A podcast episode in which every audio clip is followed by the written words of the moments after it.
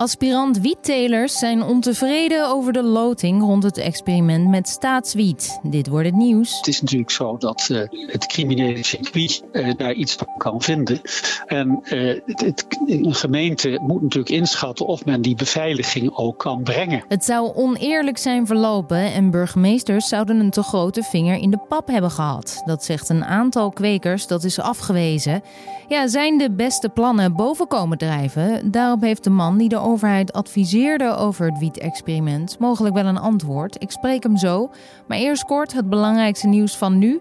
Mijn naam is Esme Dirks. Het is vandaag donderdag 3 december. En dit is de Dit wordt het nieuws middagpodcast. Het pand in Amsterdam waar de Black Archive zit is beklad met verf.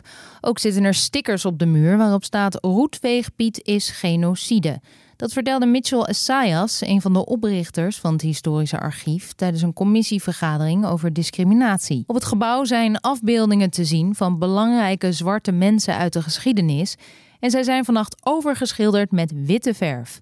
Essayas ziet dat als een poging tot intimidatie en gaat dan ook aangifte doen bij de politie.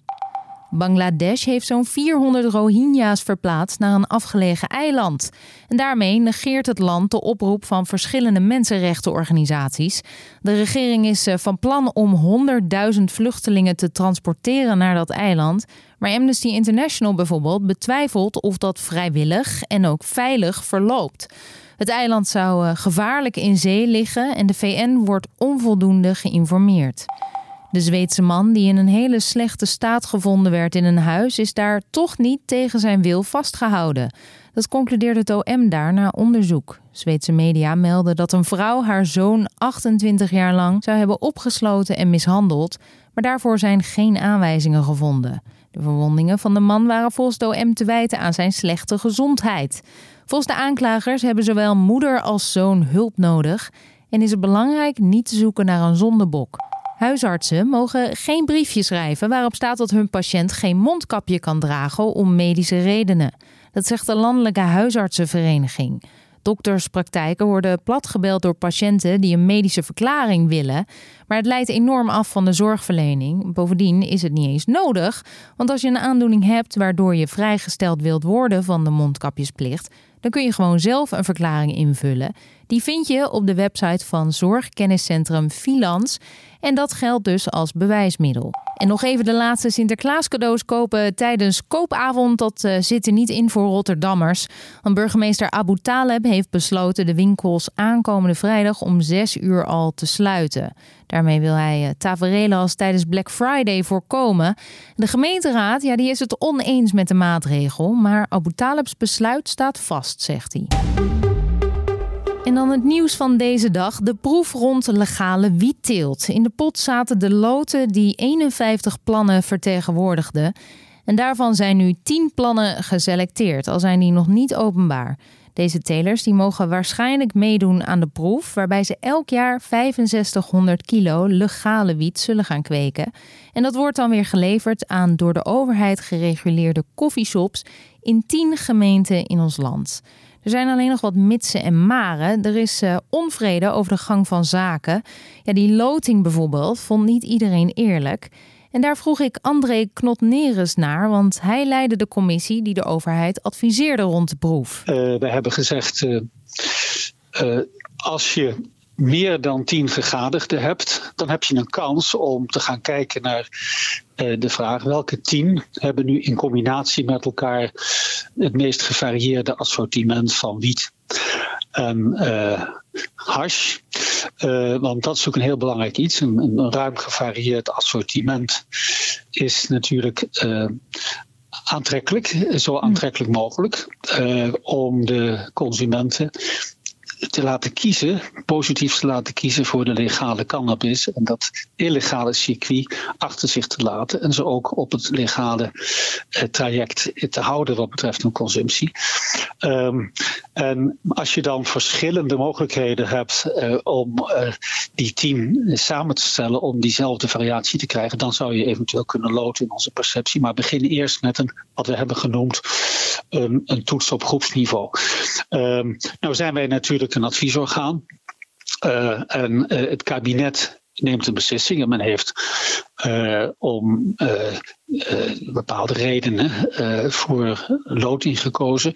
Ehm, heeft daar overigens wel als een van de criteria gesteld voor geschiktheid dat de telers tenminste tien varianten moeten uh, kunnen produceren. Uh, en als je dan tien telers hebt, kun je wel een hele eind komen horen. Oké, dus, dus op zich uh, honoreert de loting niet per se de wens die u had.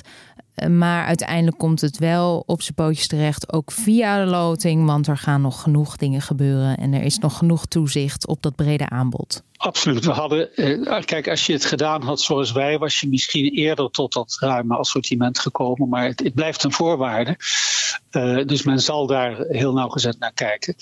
En uh, ik denk ook dat de tien telers die uiteindelijk aan de slag gaan, dat ook als een heel belangrijke verantwoordelijkheid zien. Ja, een aantal telers dat zich had aangemeld is um, afgewezen natuurlijk en is ook ontevreden over deze procedure. Zij zeggen dat ze eigenlijk geen tijd hebben gehad om fatsoenlijk bezwaar aan te tekenen, omdat de loting zo dicht op de eerste uitslag van de selectieronde zat. Uh, daar hebben ze natuurlijk wel gelijk in, want ze de bezwaarprocedure duurt gewoon langer. Dus ze konden ook niet meer meedoen aan de loting. Eén afgewezen kweker die kreeg wel gelijk. Uh, maar een ander beweert ook dat de burgemeester van zijn plaats een beetje te veel invloed heeft gehad in de besluitvorming. Um, die wilde kweken in Etteleur, maar de bewoners gaven aan dat ze dat niet wilden. Dus eigenlijk heeft de gemeente hem gewoon afgewezen. Is dat ook zo? Hebben die een te grote vinger in de pap gehad? Uh, wat ik wel weet, uh, en dat is ook wel vanzelfsprekend, dat burgemeesters een advies hebben gegeven. Want die zijn verantwoordelijk voor openbare orde en veiligheid. En als die risico's zien, uh, dan moeten ze daar natuurlijk in een advies mee rekening houden. Maar welke risico's dan? Want het gaat hier toch over een legaal product?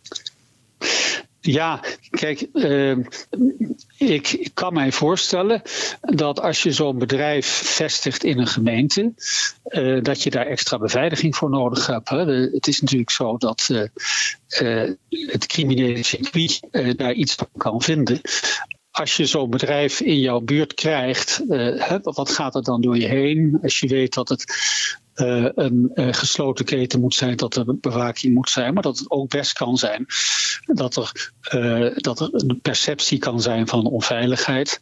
Maar en, het, het, een gemeente moet natuurlijk inschatten of men die beveiliging ook kan brengen. Een hele grote gemeente kan dat misschien makkelijker doen dan een wat kleinere gemeente. Daar ligt een verantwoordelijkheid van de burgemeester. Ik neem ook, daar, neem ook aan dat daarom uh, men heeft gezegd, wij willen een advies van de burgemeester hebben. Ja, en het draagvlak uh, per gemeente onder de inwoners verschilde dus nogal. Uh, wat waren de criteria vanuit de overheid voor telers om mee te doen? De kwaliteit van de producten, die ook gecontroleerd moet worden. en bijvoorbeeld geen infectiekiemen in het product, geen pesticiden of andere ongezonde bijmengingen goede verpakking met uh, goede productinformatie, uh, garant staan voor veilige uh, productie, opslag en vervoer. En een positieve toets op de BIBOP. Beoordeling, ja. integriteitsbeoordeling, die moet nog plaatsvinden na, na de loting. Uh, en allerlei details die in, in onze rapporten staan. Uh, maar dit zijn wel uh, de belangrijkste. Ja. Wat is het oorspronkelijke doel geweest van de proef met legale wiet?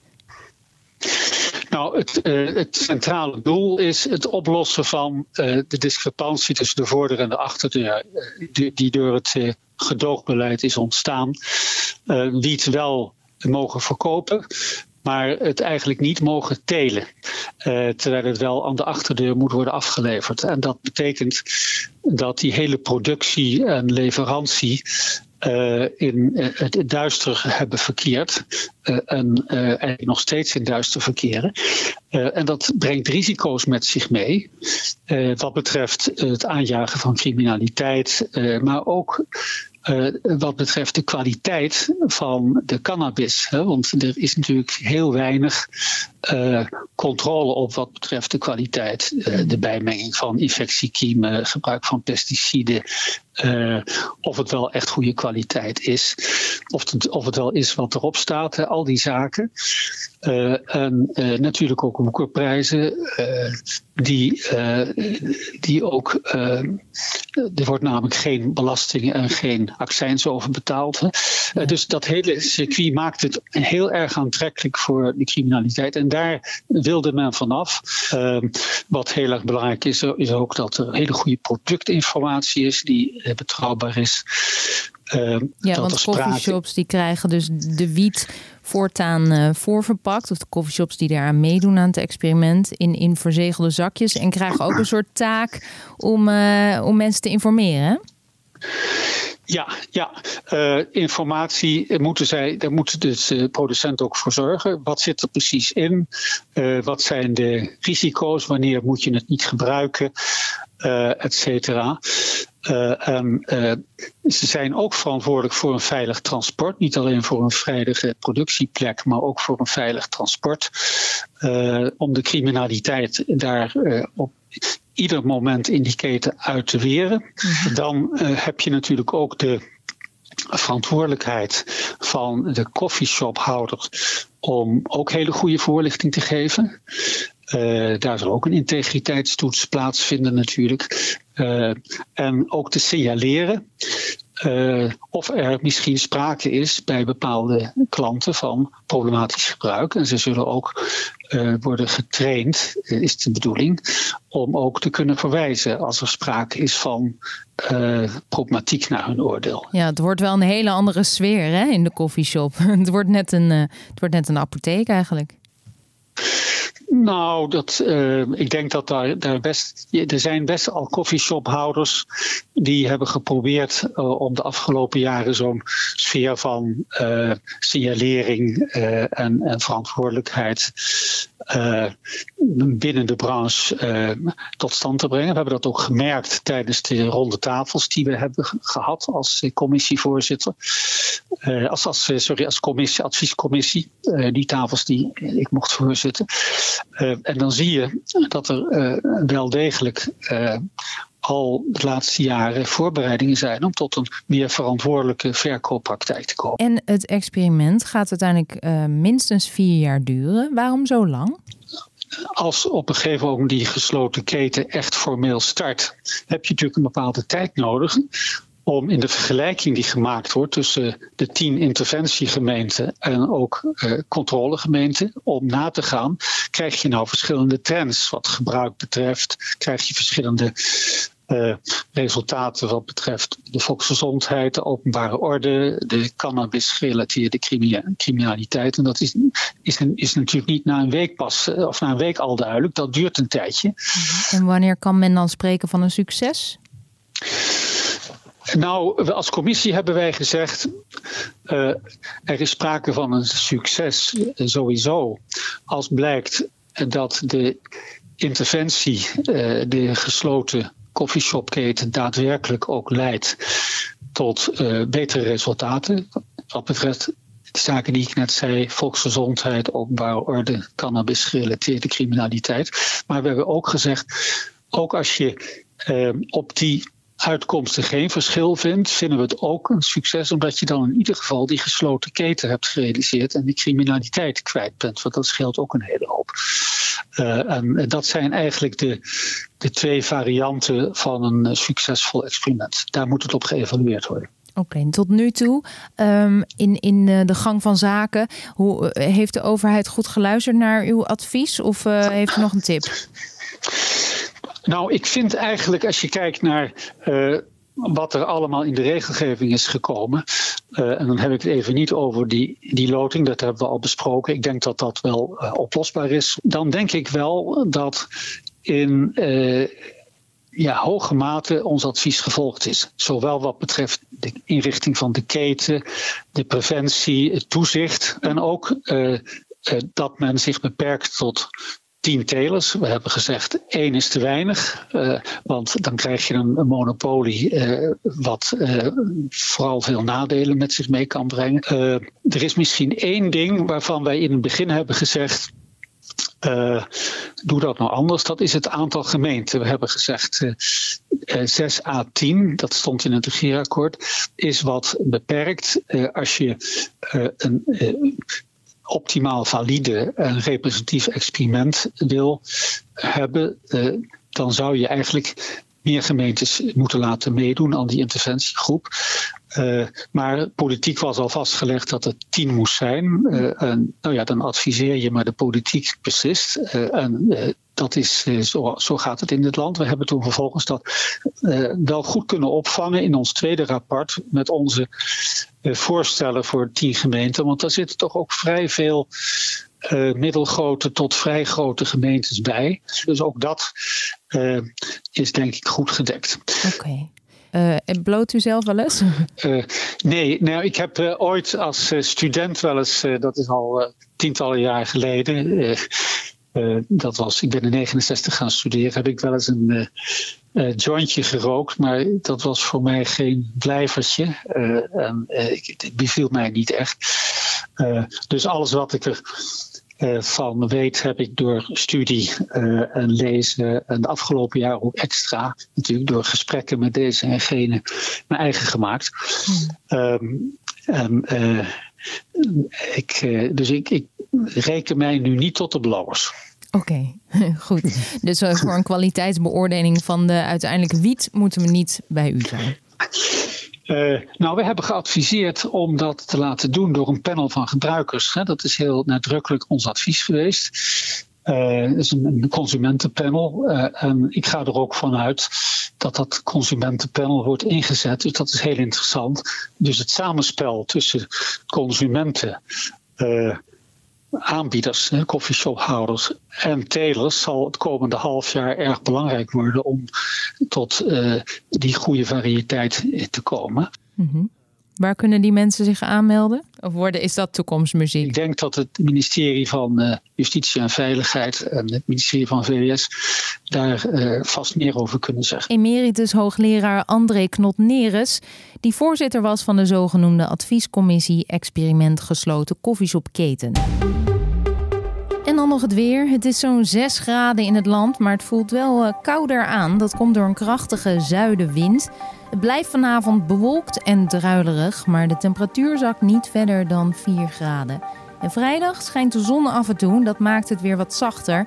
Wel blijft het behoorlijk waaien, vooral aan zee. Daar is kans op windstoten tot 75 km per uur. En dit was de middagpodcast van nu.nl.